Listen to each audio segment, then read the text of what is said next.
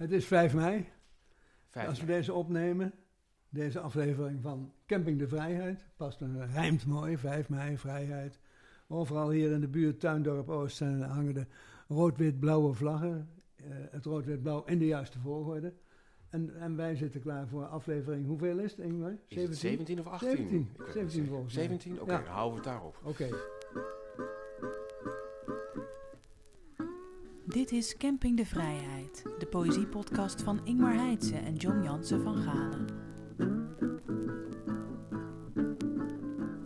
En eh, nou ja, ligt een beetje voor de hand. Beginnen we het nieuws van de maand. Volgens mij zijn er twee grote nieuwsen. Eh, nieuwe Vertel. dichter des Vaderlands Ja, dat sowieso. Ja. en Huub Oosterhuis overleden. ja. Welk, welke, wie doen we eerst? Laat, laten we beginnen met, het- met, met het leuke nieuws dan. Ja, De- komst van Babs Gons als nieuwe dichter des Vaderlands. Zij treedt aan in september na een eh, periode van verwarring rondom die dichter des Vaderlands. Ja, en waar kwam dat door? Ja, dat is nog steeds een Want beetje... Lieke Marsman heeft afscheid genomen in januari. Ja, en, en, dat, en dat was op zich gewoon, eh, ja, heeft zij volgens mij haar tijd eh, volgemaakt. Ja. En, en er was ook een volgende beoogd. Insiders weten ook wel wie. En opeens, En jij bent toch een insider? het- ja, ik, ik, ik weet wel wat er aan de hand is. Alleen het is, het is nogal een ingewikkeld verhaal. Het, komt- En je mag het niet vertellen. Aan de grote klok hangen. het komt erop neer dat, dat er iemand had toegezegd en dat het ook heel leuk was geweest. En dat er En toen toch vragen rezen. Oh. En, en, en eh, als gevolg van de vragen heeft de persoon in kwestie zich teruggetrokken. Ja, En ja. daarna gebeurde dus de he- hele tijd niets. Eh, ja, tot, tot vrij onlangs naar buiten kwam het heugelijke nieuws dat Babs Gons dan vanaf september onze dichter des Vaderlands is. Waarmee ik me meteen afvraag of we dan ook voortaan eh, wisselen per september voortaan. ja, ja. Nou ja, dat gaan we dus ontdekken. En het andere heugelijke nieuws is, wij hebben al reeds een afspraak met Bab Gons, Ja. Gons om in deze podcast op te treden. Ja, zij komt er niet meer onderuit. Te- te- Tegen de tijd dat zij aantreedt, gaan wij aan de of tand voeren. augustus, voordat ze, voordat ze op de troon gaat zitten, eh, komt ze hier. Ja. Tuindorp Oost. Heel John, mooi. John, vind je het een leuke keuze, Babs Gons? Ja, ik wel. Ik, Ja. eh, ik, ik heb eh, enigszins geaarzeld toen we voor de po- poëzieprijs eh, moesten beantwoorden. Want een aantal van die gedichten in haar bundels, ja, die hadden hetzelfde bezwaar eh, als Amanda Gorman, dat het wel een beetje eh, hoofdartikelen in dichtvorm leken. Een beetje Ja. eh, pamfletistisch af en toe. En dat heeft Ja. mij tegengehouden. Het is allemaal ontzettend goed van ritme, duidelijk van zeggingskracht. Maar soms iets eh, te, zou ik maar zeggen. Ja. Nou ja, het is, het is een toon inderdaad, maar dat, dat is ook denk ik de reden dat zij eigenlijk een soort godmother is van iedereen die met spoken word bezig is in Nederland. En dat vind, vind ik Ja, die bloemlezing, hoe heette die ook weer? Die ze heeft eh, Ja. chic uitgegeven, Ja, dat er Contact. Heel- prachtig uit. Ja. Ja. En daar is, dat is een prachtig overzicht van alles wat er op dit gebied van... eh, Inderdaad. En hoe heet het ook alweer? Want we hebben het volgens mij ook Spoken word is, ja. Wat was het over het erg? Gaan we het opzoeken? Ja, we gaan het opzoeken. Ik wil het weten. ja, ja. kom op. Want dat, dit- dit- dit- ja, dat is, doe- jij ondertussen eh, Oosterhuis maar. Dan ga ik even kijken of ik ja, kan. Oosterhuis, dat is dus, die is overleden in april. Dat is de meest gelezen dichter van Nederland. En minstens de meest gezongen dichter van Nederland, maar ook eigenlijk de, meest, de minst erkende. Want in de standaard eh, bloemlezingen van Nederlandse poëzie, hè, van Komrij en van eh Ilja Leonard Vijver en van Hans Warre, komt hij niet voor. Dat is op zich opmerkelijk. Meest geldt misschien ook voor Toon Hermans, eh, Nel Benschop. er zijn wel meer van die vaag christelijke, spirituele dichters die niet in de smaak vallen bij degene die de smaak eh, bepalen in Nederland. En ik vraag me af, is dat nou terecht? Is die, zijn dat slechte dichters of is het een afkeer van die spirituele, religieuze sfeer waar ze de spreekbuis van zijn? Nou, het zijn geen slechte dichters, of tenminste niet allemaal. Maar ik denk wel dat ze een doelgroep hebben die wel duidelijk een beetje in de eigen eh gezinte blijft. Ja. Zoals je ook zeg maar eh, eh, zelfs hardrockfestivals hebt die alleen voor christelijke acts zijn. En dat zijn bands waar je gewoon nog nooit van gehoord hebt. Terwijl ze wel een stadion vol krijgen, maar dan wel met ja, christelijke luisteraars. En dus het, het is gewoon Het was nauwelijks andere- christelijk meer, hè, erg Nee, spiritueel, zoals ze dat noemen. Vandaar ook ja. dat hij zo populair was. sterk het ochtendblad Trouw, want daar zijn ze heel erg met de spiritualiteit in de weer.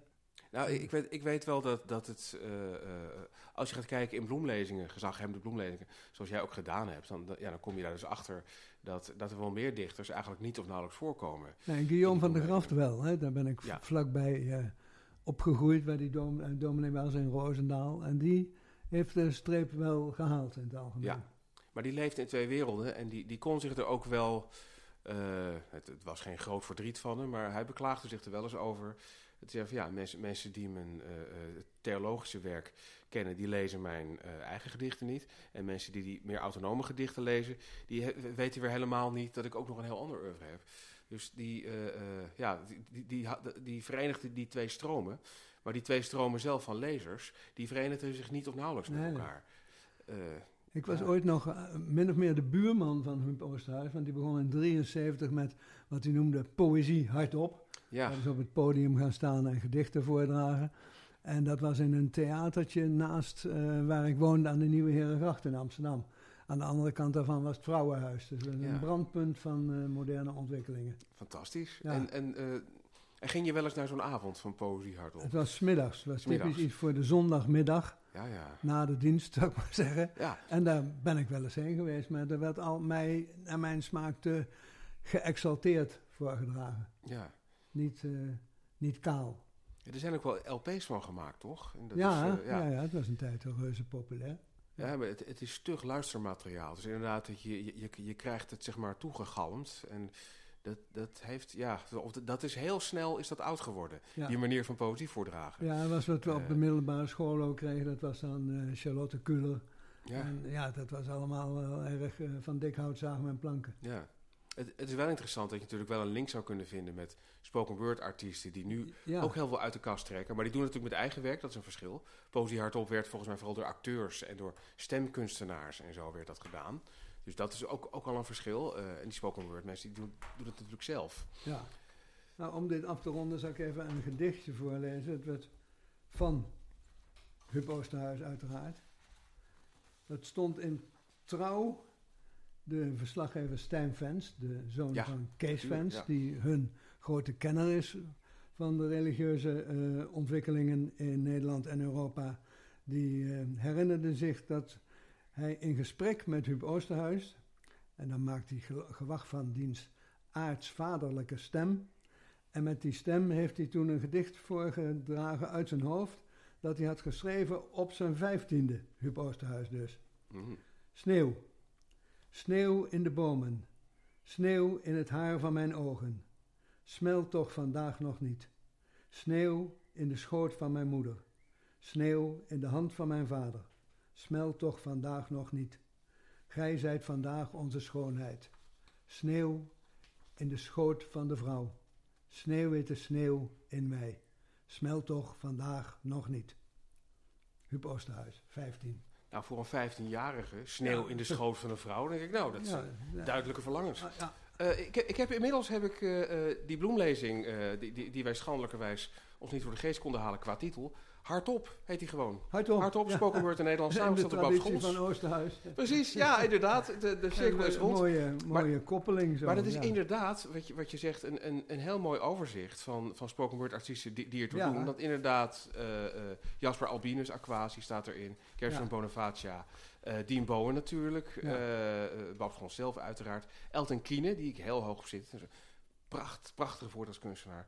Eh, maar ook Justin ga zo maar door. Dus dat, dat is wel, eh, het is wel een nest. En zij is daar eigenlijk een, een, een, een sleutelfiguur in. Ja, er is natuurlijk de link met, met, met zwarte poëzie en Suriname. Ik kreeg gisteren toegestuurd een bundel, tamelijk verrassend, van Anton de Kom, ingeleid door Bob Schons.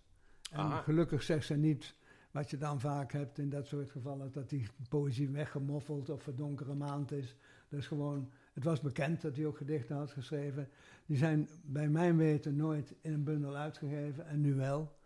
Eh, het is eh, veel poëzie over slavernij. De slavernij, ik weet niet waarom je altijd moet zeggen slavernij verleden, maar de slaven, over de slavernij. En over Suriname en over contractarbeid van, van. Het heeft een beetje het, ja, het licht dramatische wat heel meeslepend is in dat wij slaven van Suriname, maar wat soms in poëtische vorm een beetje op je zenuwen kan beginnen te werken. Ik Ja, neem ja. één gedicht. Suriname. Branding van de zee. Kleine golfjes breken mee. Zand laat u ontglippen met schuim op uw lippen. Het bos gaat ontgloeien, zwaarder gaat geloeien. Het land beukt terug en kronde de rug. Het schelp bewassen strand, speelmakker van het land, weerstaat uw slagen, uw luim en uw plagen. Dat eh, Ja. valt toch uit te leggen als een verhaal over de uitbuiting en de knechting Ja. van Suriname. En eh, nou ja, het, is, eh, het komt nu uit, Anton de Kom, gedichten. Ik ben net zo'n Van- eh, Het heet, de bundel heet, dat moet ik nog even zeggen, Vandaag vrij, altijd vrij. Dat is de titel. Ik, ik bleef nog even hangen bij die vraag die je opwierp, die heel interessant is. Van waarom hebben we het over slavernijverleden? Toen wou ik meteen al zeggen van ja, omdat de slavernij is afgeschaft. Maar je hebt natuurlijk wel een punt. Waarom, waarom moet dat zo aangeduid worden? Is niet gewoon de slavernij. Je Ja. zegt ook niet de Tweede Wereldoorlog Dat wou ik verleden. net zeggen, of, Ja. eh, of het 80-jarige oorlogsverleden. Nee, dat is Nee. eh, het is een, een, een soort hang naar iets, de, iets plechtiger maken dan het van zichzelf al is. Maar goed, Anton de Kom, vandaag vrij, altijd vrij. Maar En- eigenlijk lijkt je niet zo onder de indruk van, van wat je gelezen hebt. Nee, Nee. klonk dat toen ik het las ook? Nee, dat viel wel mee, maar Ja. het, het is meer dat je, dat je eigenlijk... Het, het, het is niet, het is niet een positief boekhandelsadvies dit. Nee, de, mensen moeten dat wij slaven van Suriname vooral nog eens lezen. Dat is Ja. me- meeslepend geschreven, ook Juist. pamfletistisch ook. Een, maar dan is die poëzie toch een beetje, eh, hoe zou ik zeggen, minder, tweedehands. Eh, hij, hij maakte een deel, eh, de Kom maakte een deel uit van het Nederlandse schrijverscollectief Linksrichten, heette dat. Linksrichten, duidelijk Links genoeg. richten. Ja, met eh, Chef Last en Maurits Dekker zaten daarin. Ja, ja. En, en daar heeft hij een soort scholing in het, in het schrijven opgedaan. Het, links, linksrichten klinkt een beetje van eh, eh, links lullen, rechts vullen. Dus het zou dan eh, links richten, rechts dichten. Nee, heel slecht allemaal. Oké, ik, ik kom hier. Zou het kunnen zijn, John? Want ik zie nu ook wel weer een andere cirkel zich sluiten. Dat we allebei, want ik vind het zelf wel, een beetje van mening zijn dat pamfletisme of een een sterke boodschap, dat het niet altijd per se eh, de mooiste poëzie oplevert. Zoals ook de kenteringssonnetten van eh, Gorter. eh, het misschien volgens veel mensen, volgens mij ook het niet halen bij, nou ja, zijn versen bijvoorbeeld. Nee. Over verzen gesproken, wij gaan op Hemelvaartsdag in een lange estafette de mei van Gorter voorlezen. Oh, brood mee. Op een plein in Zutphen. Ik ook. ja. Ik was Dus- me niet van bewust dat dat gedicht zo ontzettelijk lang is. Het gaat dus om 12 uur beginnen en het is geloof ik om half zes afgelopen. Ja, het is, het is niet voor niets dat eh, Gorter aan een vriend schreef eh, toen hij eindelijk klaar was met die mee. Het ding is af. Pans. Dat was zijn, zijn bijnaam, Ja. geloof ik. Pans. Wat Maar ik ben af en toe al aan het oefenen, maar het valt nog niet mee om dat voor te lezen. Nee, je hebt- ik- kun, je, kun je een stukje doen uit het hoofd? Of, Nee. nee? Kan ik? Alle- Nee. Alleen die eerste twee regels die iedereen doet. Ja, zeker. Mhm. Maar het is, het is wel, eh, het, het, het is natuurlijk een soort draak die mij, maar het is natuurlijk wel een hele mooie draak. Ja, het is af en toe, eh, ja. En het ritueel van dat met z'n allen doen, in die, in die zeven uur of whatever die je mee bezig bent. Ja, iemand Ja. die er een vorige keer was, die zei er waren evenveel belangstellenden als voordragers. Ik als al die voordragers daarna in de zaal gaan staan, heb je al een zaal vol. Ja, Want dat, iedereen heeft drie minuten of zoiets. precies. Kijk, dat, dat is hetzelfde als een, als een avond or- organiseren met dichters en een zangkoor. Dan weet je dat het vol zit, want dat, dat zangkoor ro- allemaal familie die erbij moeten zijn. Ja. Want die zingen maar één keer per jaar samen. En als je ze hoort, dan weet je ook waarom. Het. Straatkorenfestival in Amsterdam, daar ben ik een paar keer jurylid geweest. één keer met vader Abraham. En Ja. daar er kwamen dan negen van die straatkoren. En die kwamen Ja. allemaal op, sommigen nog met tante en oom ook. Ja, Dus die zaal zat bomvol. Maar er Ja. was niemand die niet bij die koren hoorde. dat is toch prachtig? Ja. Vader Abraham, de naam is gevallen. Hoe was het om te jureren met vader Abraham? Nou, die vatte die taak heel serieus op. Ja, En die ging echt allemaal aantekeningen maken. Ik heb geen verstand van muziek natuurlijk. eh, Een beetje alleen van de presentatie. Maar hij nam dat heel erg, erg serieus op. En eh, ik vond dat ook prettig. Was een, was een, een vriendelijke man. Ja. Ja. Ja, het, het, het is toch voor, voor mij is het een heel raadselachtig iemand. Vader Abraham. Met, met, met, met toch een soort persona. Ja. Eh, Ik ja, denk dat... hij het ook als een soort erkenning voert. Dat hij, ervoer, dat hij daarvoor gevraagd werd. Hè. Ge- Ja. grote organisator was Geert van Tijn. En dat is toch een, iemand in, een, echt iemand in Amsterdam. Ja, ja. En die wil dan vader Abraham erbij hebben. Nou, dat vindt vader Abraham echt puik. Ja, oké. dus dus dat, dat, dat vader Abraham, zoals wel meer artiesten die als volks worden weggezet, of dat nou terecht is of niet, dat die toch eh, het leuk vinden als er ook wat erkenning komt vanuit de ja, meer elitaire, intellectuele highbrow. Ja. ja. Want dit vond altijd plaats op Nieuwmarkt, dus Hartje Amsterdam. En Ja. daar kwam hij dan uit Brabant heen gereisd. Ja, Ja, het is ook, ook, ook, ook, ook de provincie versus Amsterdam, dat speelt natuurlijk ook nog natuurlijk. zeker. Vol verwachting klopt ons hart. Een poëtisch geschenk. Uitpakken. Heb jij een geschenk van de maand? Ja, ik heb een, eh, nou, ik heb Ik een, ik heb maar- een ultiem geschenk van de maand, kan ik wel zeggen. Eh, ik, ik, ik moet er vooraf bij zeggen, het is door mijn eigen uitgeverij uitgegeven. En dat zou eh, de verdenking op zich kunnen laden. Podium dus. Ja, uitgeverij Podium, ten aanzien van onze 135 luisteraars, dat ik mijn uitgever aan het pluggen ben. Eh, eh, niets is minder waar, eh, maar het is wel toevallig het geval dat eh, Podium eh, heeft van Ilja Kaminski eh, de bundel Dove Republiek eh, uitgegeven. In een vertaling van Alfred Schaffer. En eh, dat is een bundel die is al een tijdje eh, uit. Eh althans, die bestaat al een tijdje in het Engels. 2019 is die uitgekomen. En eh, uitgekomen bij Faber en Faber. Kaminski is een grootheid. Is eh, volgens mij eh, praktisch doof, eh, of in elk geval zeer, zeer slecht horend. Eh, en dit is interessant. Hij is geboren in Odessa, Ja. in Oekraïne. En daar heeft natuurlijk iets mee te maken dat, dat eh, eh, eh, uitgeefster Satjana Labovits, de nieuwe eh, directeur Ja. van Podium, dit uit wil geven juist in deze tijd. Want waar gaat die bundel over, Dove Republiek? Het is eigenlijk een dorpje, eh, een al dan niet fictief dorp, waarin alle eh, bewoners bijna uit een soort protest eh, tegen de eh, heersende macht zijn ze doof geworden na een geweerschot. Oh. Dus dat, dat heeft iets, iets heel... Dus iedereen is doof eigenlijk. En eh, er staan zinnen in waar je, waar je helemaal, helemaal gek van kan worden als je, als, je ze, als, je- als je ze leest. Dat je denkt, hoe is het mogelijk dat iemand dit, dit kan bedenken? Ik le het- er, er staan ook allemaal gebaren, zeg maar, uit... eh, eh, ja, eh, Ja. circuit. dat, dat, dat is iets fantastisch. Ja, Ik, ik doe gewoon een stukje. Aankomst. Je arriveert om 12 uur 's middags en weegt maar 6 pond. Sonja zit je boven op de piano en speelt een slaapliedje dat niemand hoort. In de kinderkamer stil gesis als van in het water gevallen lucifer. Het zijn dit soort zinnen. In de kinderkamer stil gesis als van een in het water gevallen lucifer. Zo mooi opgeschreven, zo totaal onheilspellend, zo verschrikkelijk, verschrikkelijk, verschrikkelijk. Het is, een, het is echt een... Of deze. Eh, de stad ziet de luidruchtige dierenbotten in hun gezichten en ruikt de aarde. Het zijn de meisjes die de sinaasappels stelen en ze verstoppen onder hun blouses.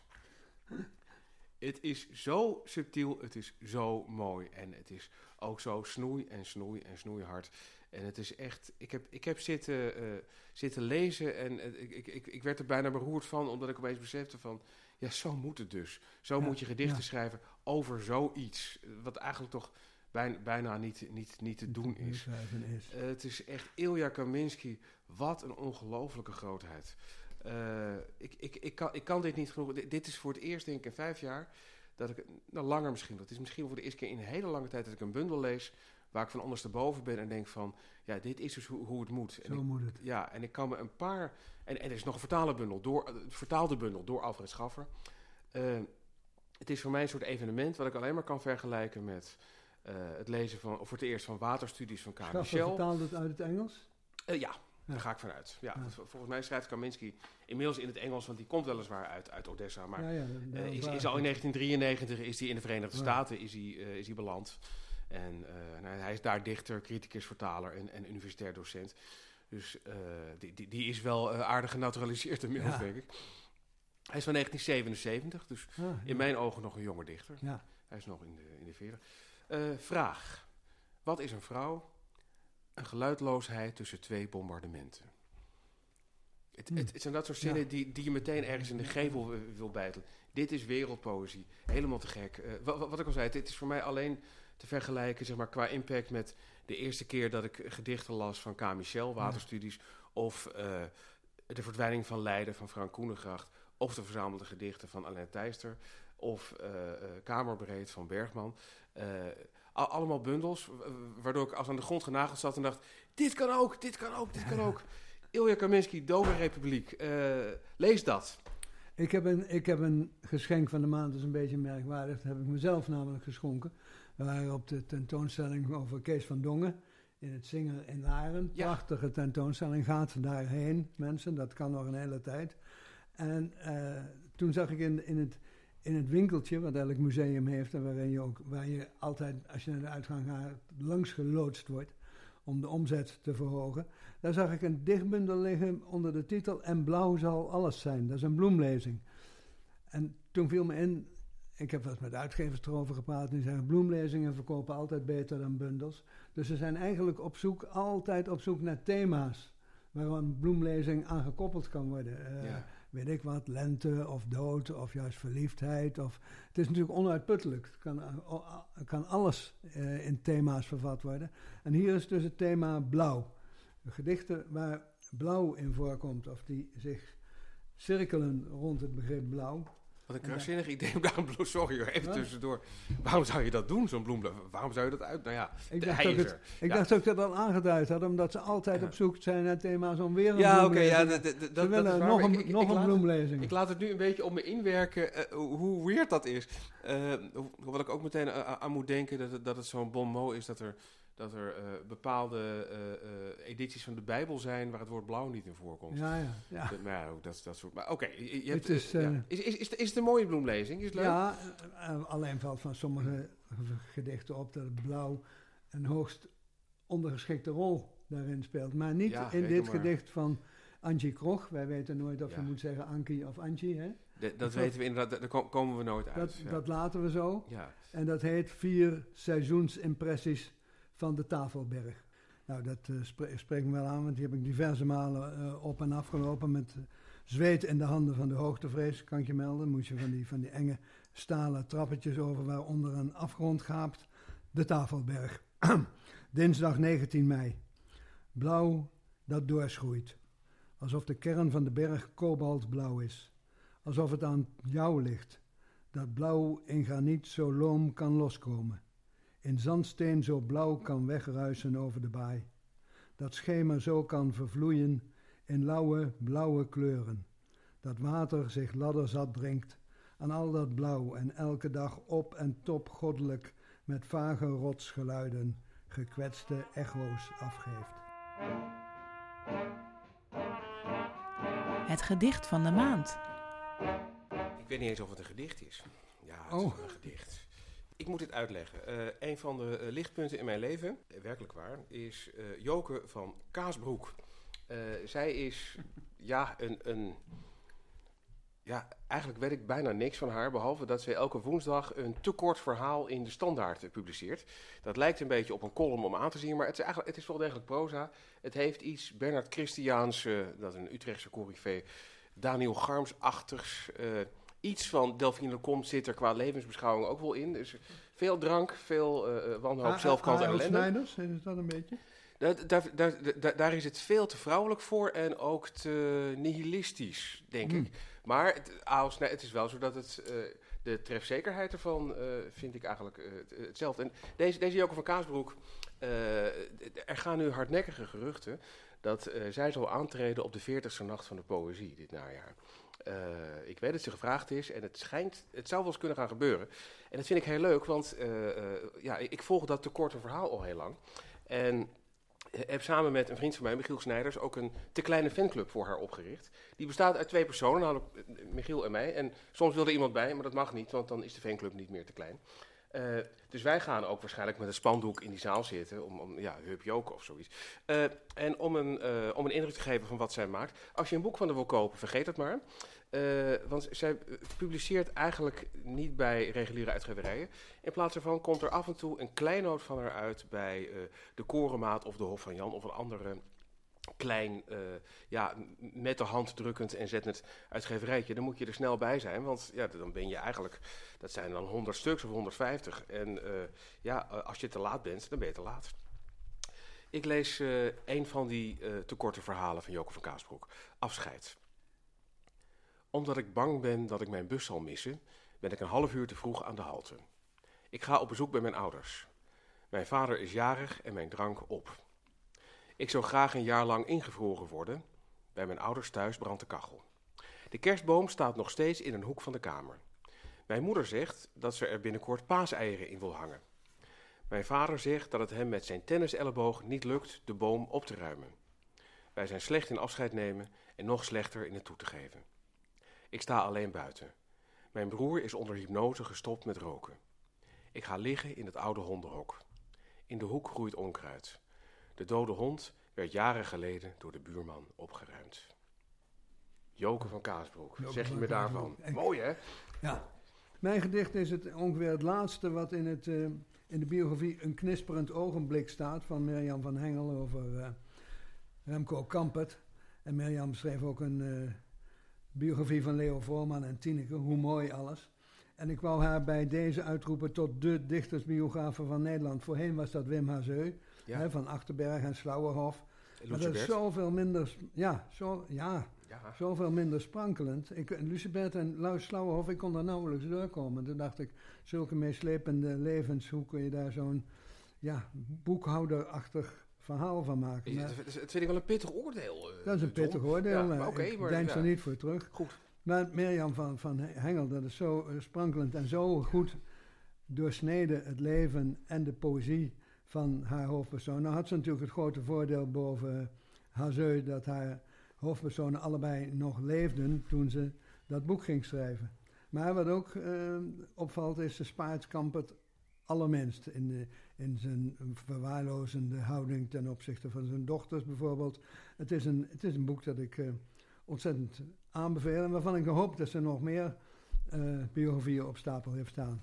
En daarom lees ik het laatste gedicht wat in een knisperend ogenblik staat van, van Kampert, oude dichter. Licht is dichtgeknoopt in een neteldoek. Mijn bril, waar is mijn bril, ligt op de schoorsteen. Naast de werken verzameld en prijsgegeven. Naast de foto van de vrouw verlaten en mijn kinderen, ik versta hun roepen niet meer. En mijn pen, mijn vingers, de verveloze schutting van mijn hart, heb ik de hemel ooit bezeten, de aarde ooit herkend, het laatste wapen droom geslagen uit mijn hand. Sta ik ontredderd in de sprakeloze duisternis. Laat nu de dood maar komen, langs de versleten treden van mijn verzen. Remco Kampert. Prachtig, ja.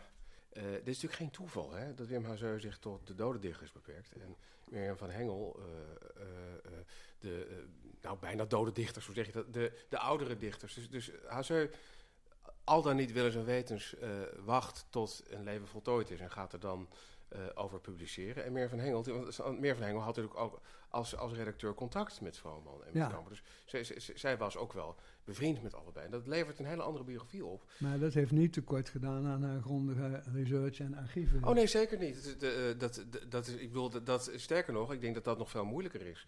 Want, eh, dan, dan, eh, wa- want, want iedereen, elke insider weet dat natuurlijk ook. Dus dan gaan mensen met argusogen zoeken van ja, eh, eh, spaar je iemand niet omwille van de vriendschap. Nee, en zij confronteert Kampert ook met wat ze vindt. Bijvoorbeeld ten Ja. aanzien van de verwaarlozing van die dochters waar ik het over had. Ja, Ik bedoel, dus dan ben je ook verplicht om daar de hoofdpersoon mee te confronteren. ja. Nu gaat de bel. Het, eh, Zijn onze gasten ongetwijfeld. De gast van de maand. John en Ingmar praten met een coryfee uit het land van de poëzie. Anne Broeksma, welkom. Ja, En Alexis zijn. de Rode, ook welkom. Ja, goeie. met, met, met, met, het, met het stof eh, op hun schouders eh, van, van een, een, een, een in het midden zijnde van, dit is geen Nederlands verhuizing. Ja, ik. op onze schouders en in on- in onze harten. Het is een dof materieel bestaan eh, de afgelopen week. ja. Alleen maar behangen. Zijn, de hele, zijn voor mij ja, al, al weken twee weken bezig met behangen. behangen, Alleen maar geloof behangen. ik. Kun je behangen? Inmiddels Nee, wel. nou- ja. Nee, nee, dat is het probleem. Daarom doen we het Ja. al weken.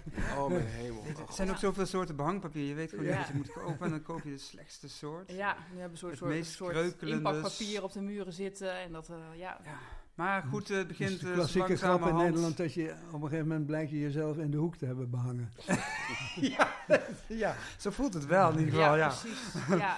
Ja. En we wonen tijdelijk even op een soort studentenkamer, eh, eh, z- zwervend. Verblijf illegaal op een kantoor nu waar we slapen. Ja. Ja. Maar, maar, maar straks is het een vrijstaand huis, toch? Aan de Singel? Of wat? ja, dat is een, ja, precies. Dat Wel op een mooie plek, huis, laten we eh, het daarop houden. Nee, we hebben een mooi plekje inderdaad bij de single. Het is gewoon een, huurhuisje. Het is nederig, maar eh, ja, lo- location is everything in de makelaardij. Dus Zeker, eh, ja. een kapitaal Uitzicht pand op wat dat Dom. betreft. Aan de single. Ja, We gaan daar een hondje nemen en we gaan eigenlijk uitlaten. speciaal Ja. voor een hond, voor onze Heerlijk. toekomstige hond gaan we daar wonen. Ja, Dat is mooi, Ja. ja. Kunnen Ja. jullie iets voorlezen? Je, uit jullie werken, zou ik maar zeggen. Eh, Of is dat Nou, allemaal in verhuizing? Eh? is, eh, als je dan je, je koffer gaat inpakken voor een paar weken, dan stop je daar hele mooie boeken in, maar niet die van jezelf. Iets bij, eh, de- zeg maar, de frustratie van verhuizen. Het is ook, ehm, ja. nu wij dit opnemen, dit gedicht heet namelijk Vrijdagochtend. Ik ben naar de wc gegaan, trillend van woede, om een gedicht te schrijven. Beneden mij zie ik mijn schoenen, mijn gespreide knieën, alsof ik het leven moet schenken aan een monster. Het voelt goed een pen vast te houden op deze plek, alsof ik een wapen heb. De wc is een riante wellnessruimte met watergeluiden, geflankeerd door engelen van brons. Hier vecht ik in het geheim tegen de cloud, waar al mijn bestanden in verdwenen zijn. Ik vraag me af hoe vaak mijn collega's naar de wc gaan om te vloeken, uiting te geven aan dwanghandelingen of vijf minuten lang hysterisch te huilen, vervolgens door te spoelen.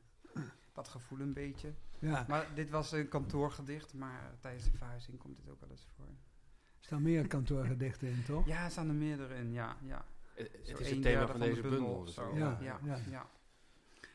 Die bundel gaat over eh, eh, eh, werk doen. Oh, je wil het goede doen in de wereld. Bijvoorbeeld door middel van je werk. Maar dat, dat is in de praktijk best moeilijk Ja. om het echt goed te doen. En toen schreef, Met, net als met behangen. Dat toen schreef Janita Monna in Trouw. het is nooit, nooit goed genoeg, zeg maar. Janita Monna in Trouw schreef, naar aanleiding van deze bundel... Alexis de Rode stelt zich voor een grote taak, de wereld verbeteren. Ja, precies. Wat ja. dacht je toen je dat las? Nou, dat, dat, dat klopt. eh, dat, eh, dat, dat wordt meteen in het eerste gedicht wordt het ook wel zo eh, aangekondigd. Van, ik ben vandaag in dienst getreden van het goede. Ja. Met inzet van al mijn beperkte middelen om de wereld tot een betere planeet te maken. Dus ja, een soort absurd groot doel of zo, waar, wat gedoemd is te mislukken. Dus dat zijn dan, ja, dat zijn leuke dingen voor de li- literatuur, onmogelijke doelen. Maar beter dan geen doel te hebben. Of wel? Ja, precies. Ja, ja, je- we zijn hier op aarde geworpen. Laten we onszelf maar een doel stellen. Ja. Ja. Nou, het is wel mooi, het zit, het zit eigenlijk al, al in je allereerste gepubliceerde werk. Eh, het, het, het, de hang naar het grote is er altijd geweest. Eh, het is actief geworden. Van, je gaat zelf de wereld verbeteren. Of de protagonist gaat dat doen en, en, eh, en, en loopt natuurlijk een stuk. Maar ja, de, de eerste, eerste bundel, Ge- Geef mij een wonder, heeft natuurlijk dat ook al. Van alles, eh, ja, laat, laat er een wonder gebeuren. Dat is ook niet niks natuurlijk. Om, Ja, ja, ook al is het maar een heel klein wonder waarom verzocht wordt. Het is altijd ja, zo ja, geweest. ja, ja, ja, een soort, soort eh, verlangen naar een soort eh, perfecte ideale wereld of zo. dat zit er misschien onder. Ja, ook naar magie, toch? Naar het ontstijgen naar van de materie. Ja, een beetje zo inderdaad ontsnappen aan de, aan de dwingende wetten van de materie en de natuur. Ja. Ehm, ja, waar, waar dat vandaan komt, geen idee, maar misschien is het gewoon een kinderlijk verlangen naar tovenarij en magie of zo. Ja, het, het, ja. het is, het, is, het is niet raar dat deze, dat deze al- alchemist van een protagonist, die toch in, in al die bundels op, op een bepaalde manier een beetje zit en steeds een ander facet van zichzelf laat zien, dat natuurlijk ook op kantoor onder systeemplafonds hopeloos vastloopt. Is- ja, het is natuurlijk de, de, de, de beroerste omgeving om te zijn als je, als je een wonder wil in een kantoor. Ja, ja omdat is, dat is een hele lage hemel inderdaad. Ja. Maar ehm, ik heb toch nog een aardig wat jaren volgehouden, maar dan part-time eh, lukt dat nog wel. Ja. Zo eh, twee, drie dagen per week. Maar inderdaad, eh, ik, heb, ik heb het één jaar of zo fulltime gedaan. toen, toen wist ik echt niet meer wie ik Moest ik was. hem in het weekend reanimeren om zijn ziel weer terug te blazen. Ik kon, ik kon alleen Ja. nog maar naar tienermoeders op Ja. tv kijken. Het weekend. Dan hield het gewoon op. En Anne, kun jij een gedicht lezen? Van? Eh, van mezelf. ja. Ja. Ik heb wel een gedicht uit eh, Vesper, mijn tweede bundel, dat een beetje als, als, een, als een soort, ik weet niet, een soort van antwoord kunnen, zou kunnen gelden op wat eh, Alexis net eh, heeft voorgelezen. En het heet Deurtje. Toen ik naar zolder ging om de was te halen, zag ik daar opeens een deurtje. Zo'n deurtje dat Noorse kinderen op bomen plakken om de bewoners eruit te laten. Maar iedereen weet, een deurtje, daar moet je niet aan beginnen. Deurtjes zijn de scheve machtsverhoudingen van de toekomst. En ja hoor, ik begon tegen het deurtje te praten. Dat het zo mooi was, zo klein en toch compleet, met dat koperkleurige klinkje eraan. Mijn stem schoot omhoog en ik boog voorover om het beter te kunnen bekijken. Voelde hoe mijn handen dragers werden om iets mee te tronen waarachter ik zelf kon verdwijnen. Ik dacht, nu gaat het beginnen. Het deurtje moest geopend natuurlijk. Maar wat als iets langs mijn benen omhoog wil klimmen? De wens te bezitten mij kleiner maakt dan het, dan het wezen dat mij zal vinden? Wat als het deurtje nooit meer ongeopend zal zijn? Want erger dan het mysterie is het ontrafelen ervan. En ik dacht, nee, hier begin ik niet aan. Takelde mijn bovenlijf weer op, verzamelde mijn kleren. Ja, dat, dat, antwoord, dat, dat, zie ik wel. En, dat gaat toch een beetje organisch naar een vraag die me al heel lang op de lippen ligt... en die ik jullie nu eindelijk eens met microfoons erbij kan stellen. Eh, een dichtend echtpaar, dat komt niet zo heel veel voor. En vooral komt het niet eh, heel veel voor dat dat eh, decennia lang goed gaat. Nee. Ik heb Esther hier- Jansma en eh Wil-Jan van der Akker zijn natuurlijk onze grote voorbeelden. ja, dat, uiteraard. En, en ja, jullie lijken ook als twee druppels water. Nee, dat is toch... Maar we hebben ook, Jullie zijn toch wat ander hout gesneden, volgens mij? we hebben, we hebben ook J.C. Bloem en Clara Eiring. We hebben Gerard van Dreven en Hannie Michelis. Geen, geen stralende voorbeelden van geluk ja. en harmonie. Nee, dat is waar. Om nog maar te zwijgen van Ja. Sylvia Plath en Ted Hughes. Oh dear. Ja, Oh dear, ja. ja. Nou ja, maar dat is dan dus wat je krijgt. Twee mensen die in de materiële wereld eh, eh, met behangen worstelen. Ja. Maar eh, we elkaar wel wat te vertellen hebben s s'avonds. eh. Ja, ja, precies. Dus, ehm, ja. Inderdaad, de, de worsteling met, eh, met de materiële wereld wordt soms wel verdubbeld, ja. Maar goed, eh, we hebben altijd de troost inderdaad van de poëzie dan weer samen. ja. Kijk, het gaat nu al goed sinds 2008. We zijn 2014 getrouwd, dus tot nu toe ja, houden we het heel aardig vol. Nou, wat, wat, ik, wat ik bijzonder vind... eh, ik heb... Of eh, iets positiever. 15 jaar! Het gaat iets fantastisch. Ja. Nou, ik, eh, zon- zonder in, in, in details te treden, want dat moeten meer van Hengel laten maar doen, eh, eh, heb ik, heb ik een, een negen maanden een relatie gehad met een, met een dichteres. En wij kregen wel eens ruzie over wie wat het eerst bedacht had en wie het vervolgens inpikte. Waarbij ik meestal degene was die het inpikte volgens haar. En waarschijnlijk had ze er ook gelijk in.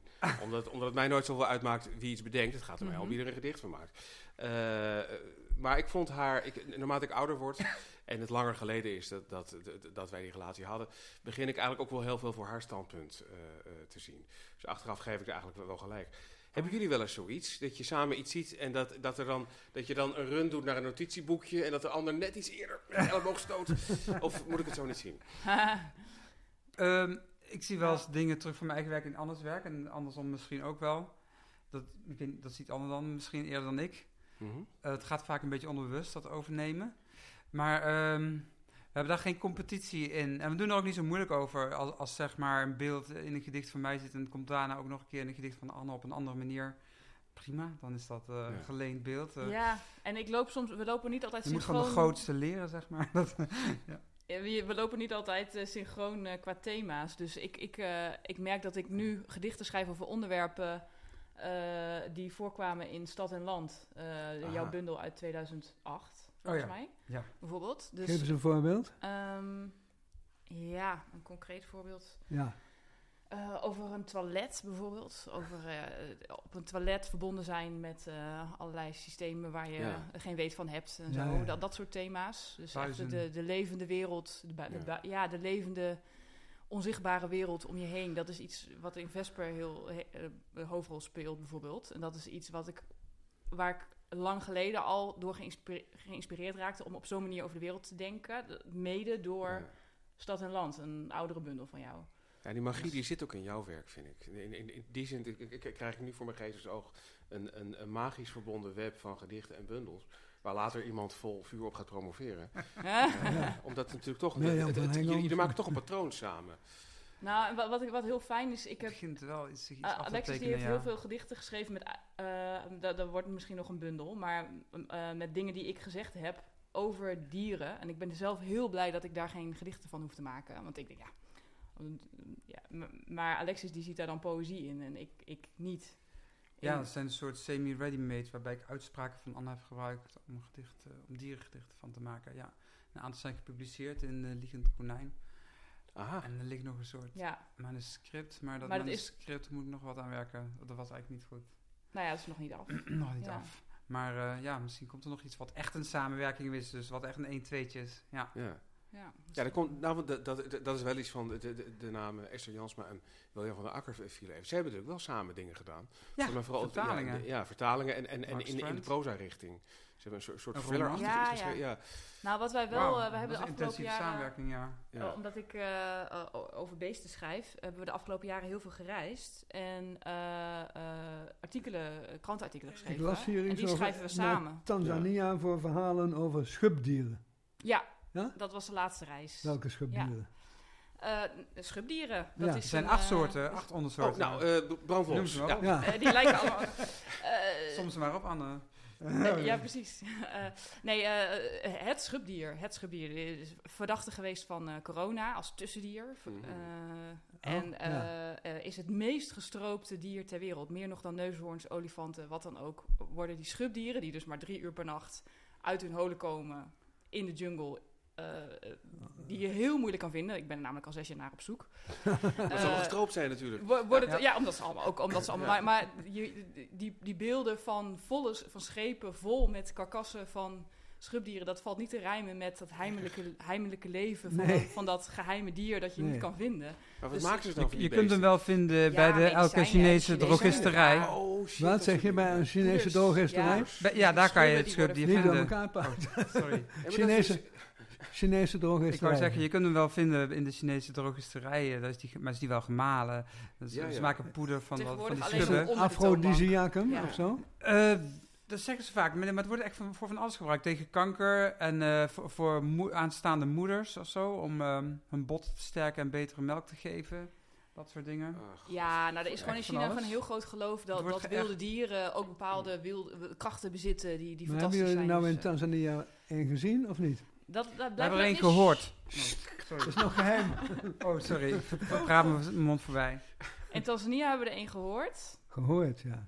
We zijn eigenlijk die reizen aan het maken sinds 2017. Dus we hebben eigenlijk de, de hele wereld over gereisd om schubdieren te zoeken. En Ah. schubdierverhalen te verzamelen. En er daarover hebben we artikelen gehoord. gemaakt. ja. En ook artikelen over andere dieren. En die artikelen die hebben we dan, zo kwa- kwamen we erop, samen geschreven. Dus ik de ene helft en hij de andere helft. En dan elkaars helften redigeren. Komodo-varaan, is dat er ook in? Nee, nee, nee schubdieren schubdier? zijn dus eh, zoogdieren. Het is, één, Oh. het, is, het is één type zoogdier en dat Ah. heet Ja. schubdier. Ja, en oh. daar zijn dan weer Oh, acht soorten juist. van. Ja. Je, je hebt verhelderende grondvarianten. je hebt boomschubdieren en Ja. Ja, grondschubdieren. Ze dus zien er allemaal hetzelfde uit, maar je hebt het Temming grondschubdier en dan het Amerika eh, Afrikaanse reuzenschubdier en het Javaanse boomschubdier, et cetera. Dat zijn Ja. dan de ondersoorten. En, en, en, en Ja. wat is ongeveer het geluid van een schubdier? Eh, ze kunnen snuffelen.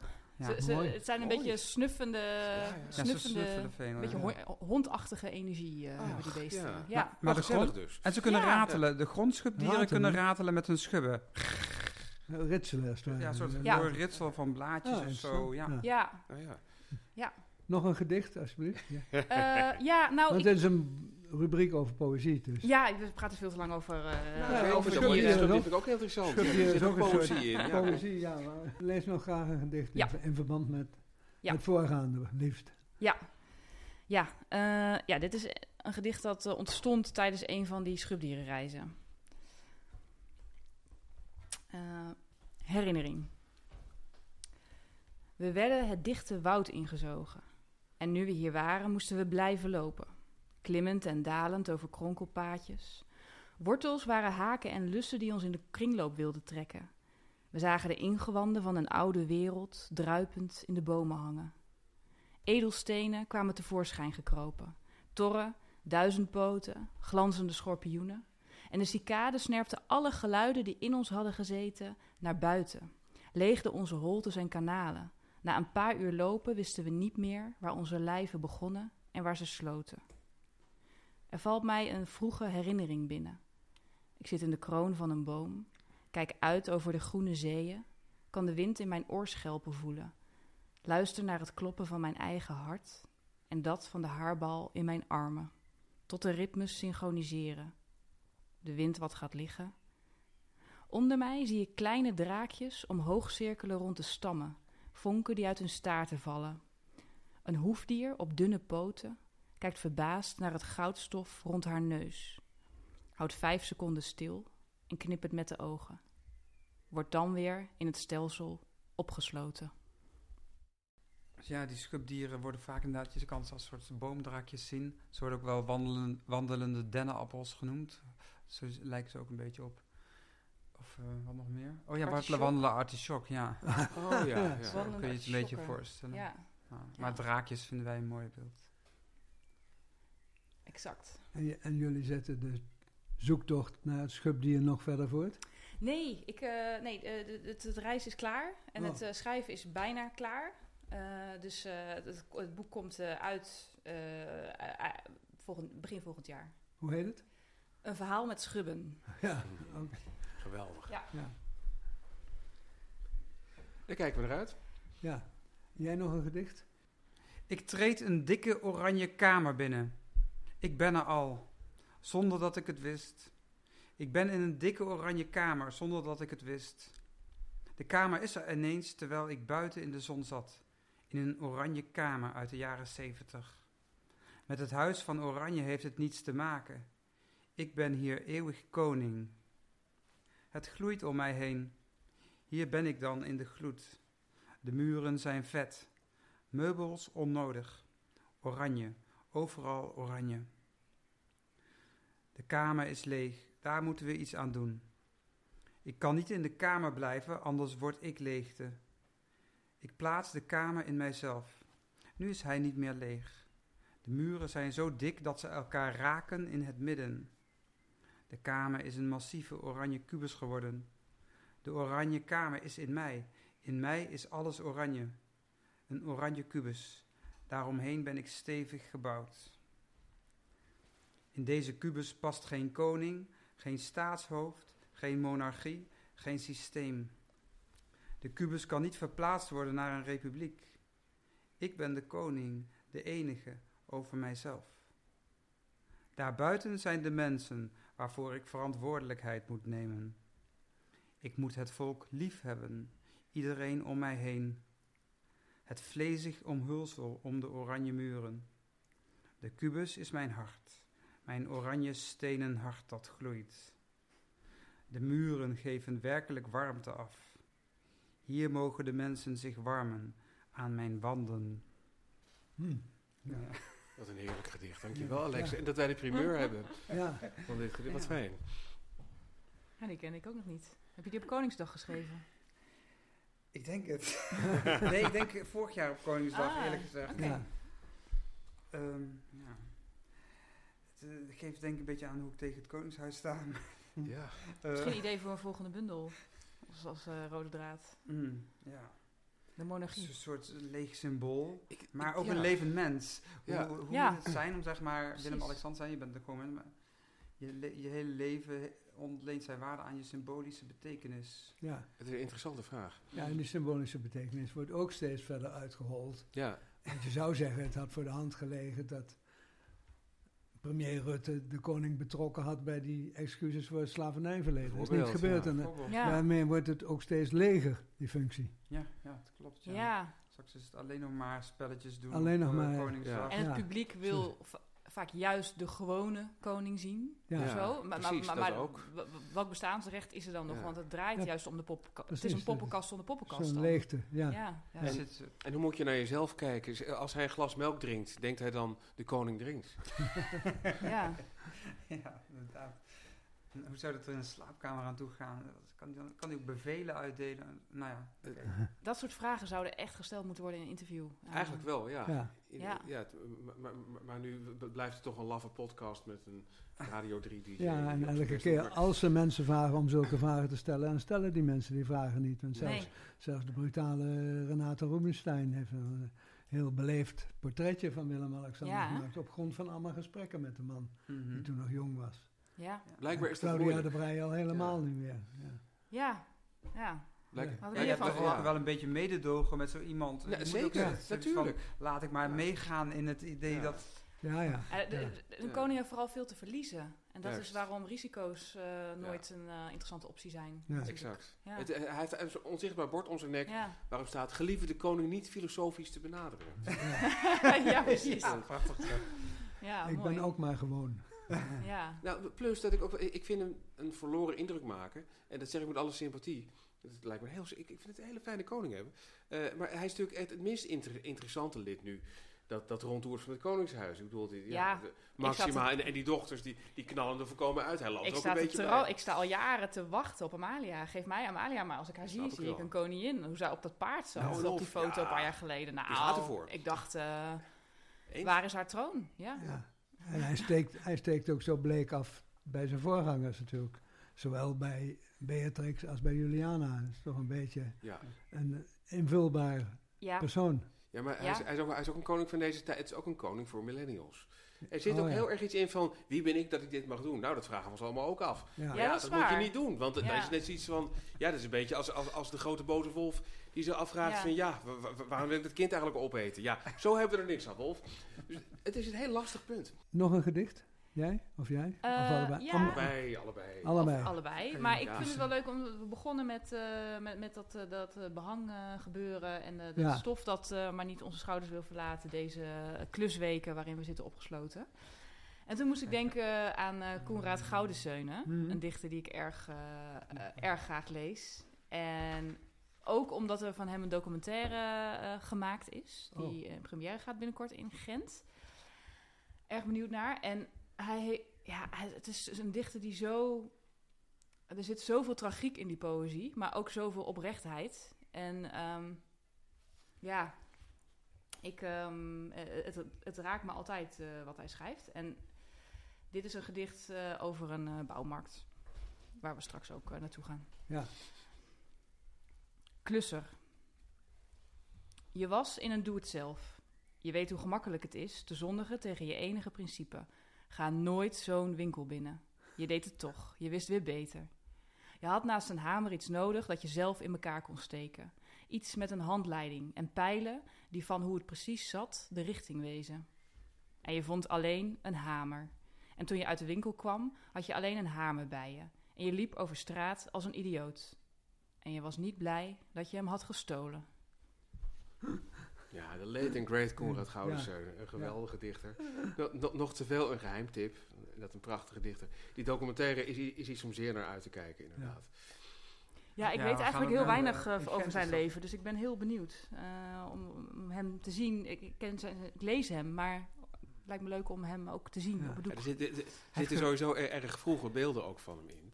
Dat je hem als jongeman... eh nou, Ja. ik, ik, ik, ik kan niet wachten, moet ik zeggen. Ja, ik ook niet. Ja, ik zie er uit. Eh, De première is in Gent, hè? Over eh, binnenkort, ja. Ja. Ga Ja. er zeker even heen. Ehm, hij is natuurlijk vrachtwagenchauffeur geweest en ook Oh ja? taxichauffeur en zo. Ja. Hij heeft allerlei eh, odd jobs gedaan om een beetje aan Ja. geld te komen. Volgens mij uh, Maar dat- truckchauffeur? Nee, nee, vrachtwagenchauffeur, ja. Ja, vrachtwagens ja, sowieso. en hij ja. heeft ook... ehm, en hij heeft een keer... dus hij, schreef een keer, of het in een gedicht was... of in een of andere blog... dat industrieterreinen hem vrede gaven. En dat vond ik Ja. zo... Dat heb ik nooit... Ik, ik ben sindsdien kijk ik anders naar industrieterreinen. Dat Ja. is... eh, ja. Ik heb een Ja, gedicht wat nog een beetje aansluit bij eh, Utrecht. Zeg maar, Ja, Eh, is graag. Utrecht een stad voor poëzie? Ja. Voorjaar. Deze dag is een dag om al je geld op te nemen en te verdwijnen. De lucht is groot en onmetelijk koel. Uit de kerktoren daalt het galmen over de stad. Stilstand. De klokken luiden naar mijn oren een dunne lijn van glas. Ding, ding, heen en weer ad infinitum. Dingen worden mensen, mensen worden dingen. Stadsgeluiden maken verglijdende kringen. Het licht daalt ruisend in een regen van fotonen, pingpong op de nog witte huid. Mos kruipt op fluwelen voetjes langzaam tussen tegels uit. Hoe kun je stilte vangen? En is het wel stilte die je vangen wilt? Hm. Mooi. Het zondaggevoel. Ik heb het gevoel dat hier organisch het woord van proper na valt. Wat jij, John?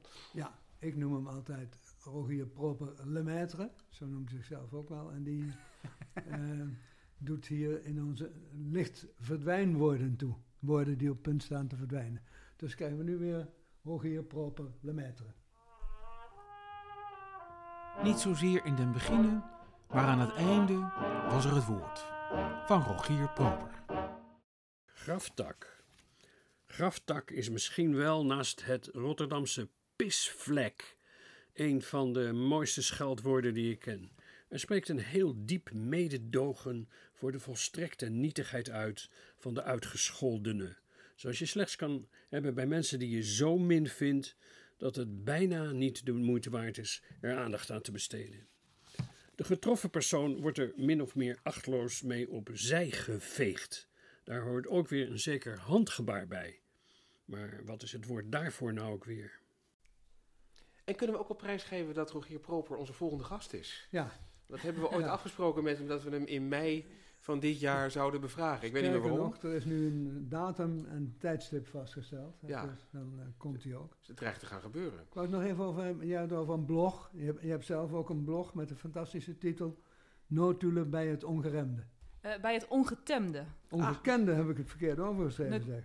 On- on- ongeremde vind ik ook wel mooi. Ja, Ja. Ja. Of misschien, ongerijmde. wel, misschien wel mooier. Maar, maar, Ongerijmde ook. ongetemde ook wel. Maar maar- dat ongetemde, dat is ja, want het, Ja. het- alles wat erop staat, er staat heel veel op en heel uiteenlopende dingen, maar het past allemaal onder die titel natuurlijk bij het Ja, ongetemde. je zegt er staat heel veel op, maar het viel me juist op oh, dat je zuinig bent met je woorden. Want ja, je schrijft op een gegeven moment, ik heb het de afgelopen tijd veel geschreven, maar ik heb nog weinig daarvan laten doorcijpelen naar de blog. Dat is, je bent in Ja. terughoudend met wat je de prijsgeeft. de- ja, je hebt helemaal gelijk. Er staat eigenlijk, ik, ik, ik- ben helemaal geen blogger die iedere week iets op, op, mijn- op, Nee. op mijn blog slingt, maar ik bedoel, de, de type teksten lopen nogal uiteen. Eh, eh, want, maar ik schrijf er bijvoorbeeld, hou er ook een dagboek bij. Nou ja, mag dus geen dag, maandboek, maar het is maar heel af en toe.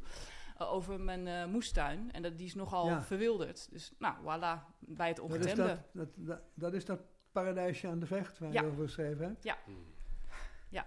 Heerlijk, Ja. paradijsje aan de vecht. Klinkt alsof ik er direct heen wil.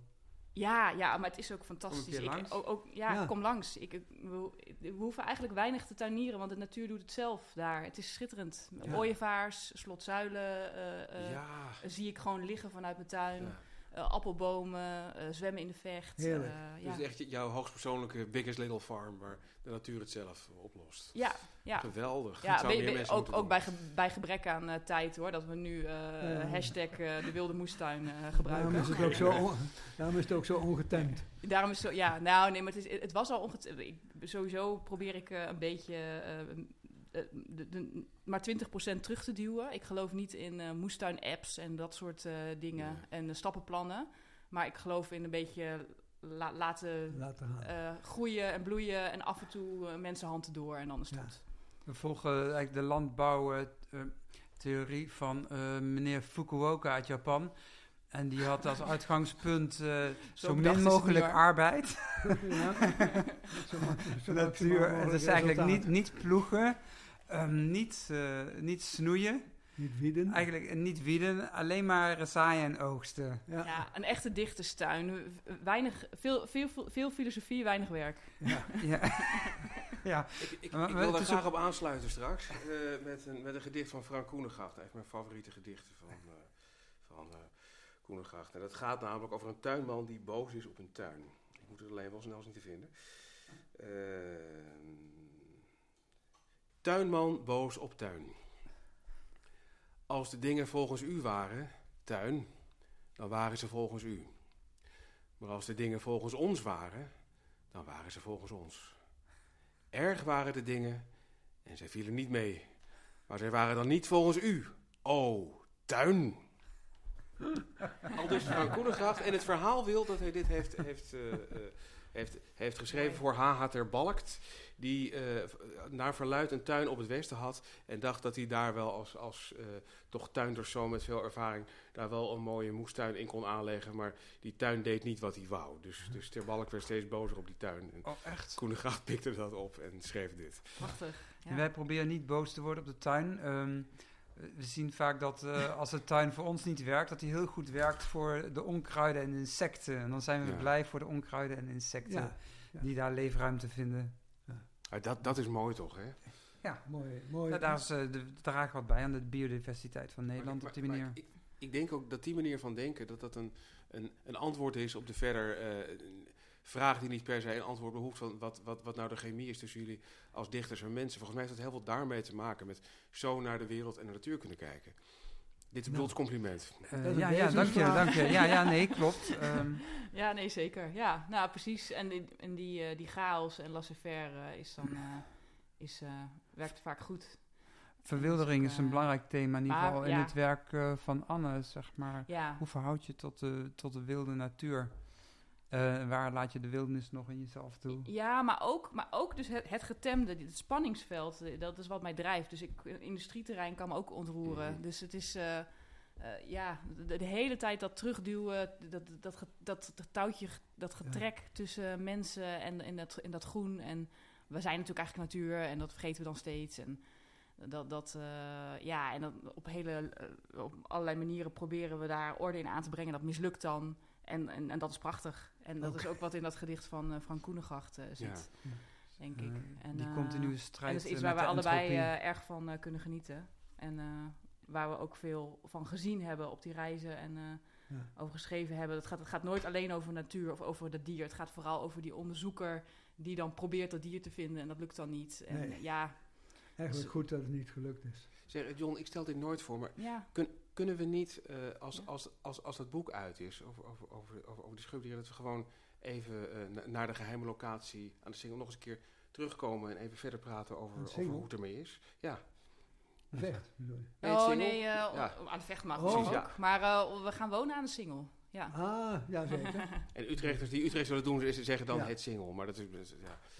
Het ja. Ja, ja, en het straatweg en zo, maar wel de neuden. Het is, het, het is, het is meer spraakgebrek, hè, Utrecht. Het is volgens mij meer een soort geheimcode om te zien of iemand eh, echt Utrechts is of zo. Het, het is precies hetzelfde wat, wat, ik, wat ik zei. Dat je, dat je, dat, Het dat je, ja, Oh. het, het, het scheelt per wijk, maar dat je bij deze wijk ook... Ik ben dus gisteren voor het eerst als burgerman om, om, om, om acht uur s'avonds op 4 mei... tijdens twee minuten stilte op het balkon gaan staan. Niet om de doden te herdenken, maar om te kijken of iedereen om me heen dat wel deed. Nou ja, Zo ver is het gekomen.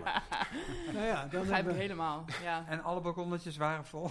Nou, ik, ik, ik, heb, ik heb wel wat aan te bellen hoor, in de buurt binnenkort. Dan, hebben we, dan hebben we in principe een nieuwe afspraak en dan kunnen we Precies. voorlopig afscheid nemen. Hè, vind je niet? Ja. Dat is een prachtige aflevering. Ja, ik, vind- ik vind van wel. Maar mogen jullie verschrikkelijk eh, hard... Wat, wat, Ja. Ja. wat, wat heerlijk was dit. Leuk om met prettig. jullie Anne Broeksma en Ja. Alexis In de. Beiden zeer bedankt. Ja, Dank jullie zeer ook voor deze bedankt. fijne onderbreking van onze klusweek. Ja, en nu moet je naar de bouwmarkt. Ja, klopt. ja. Nu, eh, nu Dit was Camping de Vrijheid. Namens Ingmar Heidse en John Jansen van Galen. Tot de volgende aflevering.